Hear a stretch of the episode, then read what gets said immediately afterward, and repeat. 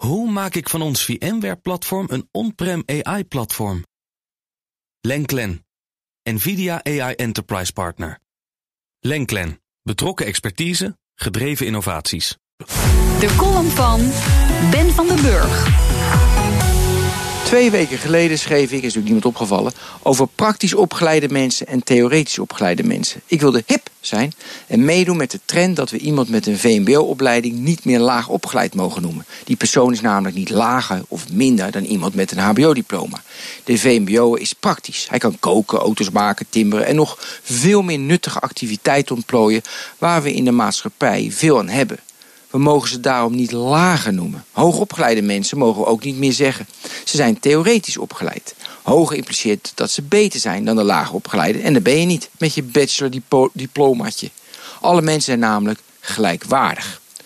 Vorige week schreef ik weer over laag en hoger opgeleide mensen. Ook niemand opgevallen, doet er niet toe. Dat hippe gedoe slaat namelijk nergens op. We moeten niet bang zijn iemand laag of hoog opgeleid te noemen. Van eufemisme als praktisch en theoretisch opgeleid krijg je namelijk een egalitaire samenleving waarin we niet meer durven te benoemen waar het op staat. Daarnaast zegt je opleiding niets over wie je bent als mens. Ook spreekt het inderdaad voor zichzelf dat je liever een automonteur opzoekt als je auto stuk gaat dan een advocaat. Maar daarom mag je de monteur nog wel laag opgeleid noemen. Je doet immers in groep 8 een CITO-toets en daar kun je 550 punten voor halen. De hoogscorende kinderen hebben waarschijnlijk van hun juf een VWO-advies gekregen. De laagscorende kinderen een VMBO-advies. Dat kinderen streven naar hoge scoren om het advies van de juf te ondermijnen... of omdat ze het fijn vinden om het maximale uit zichzelf te halen...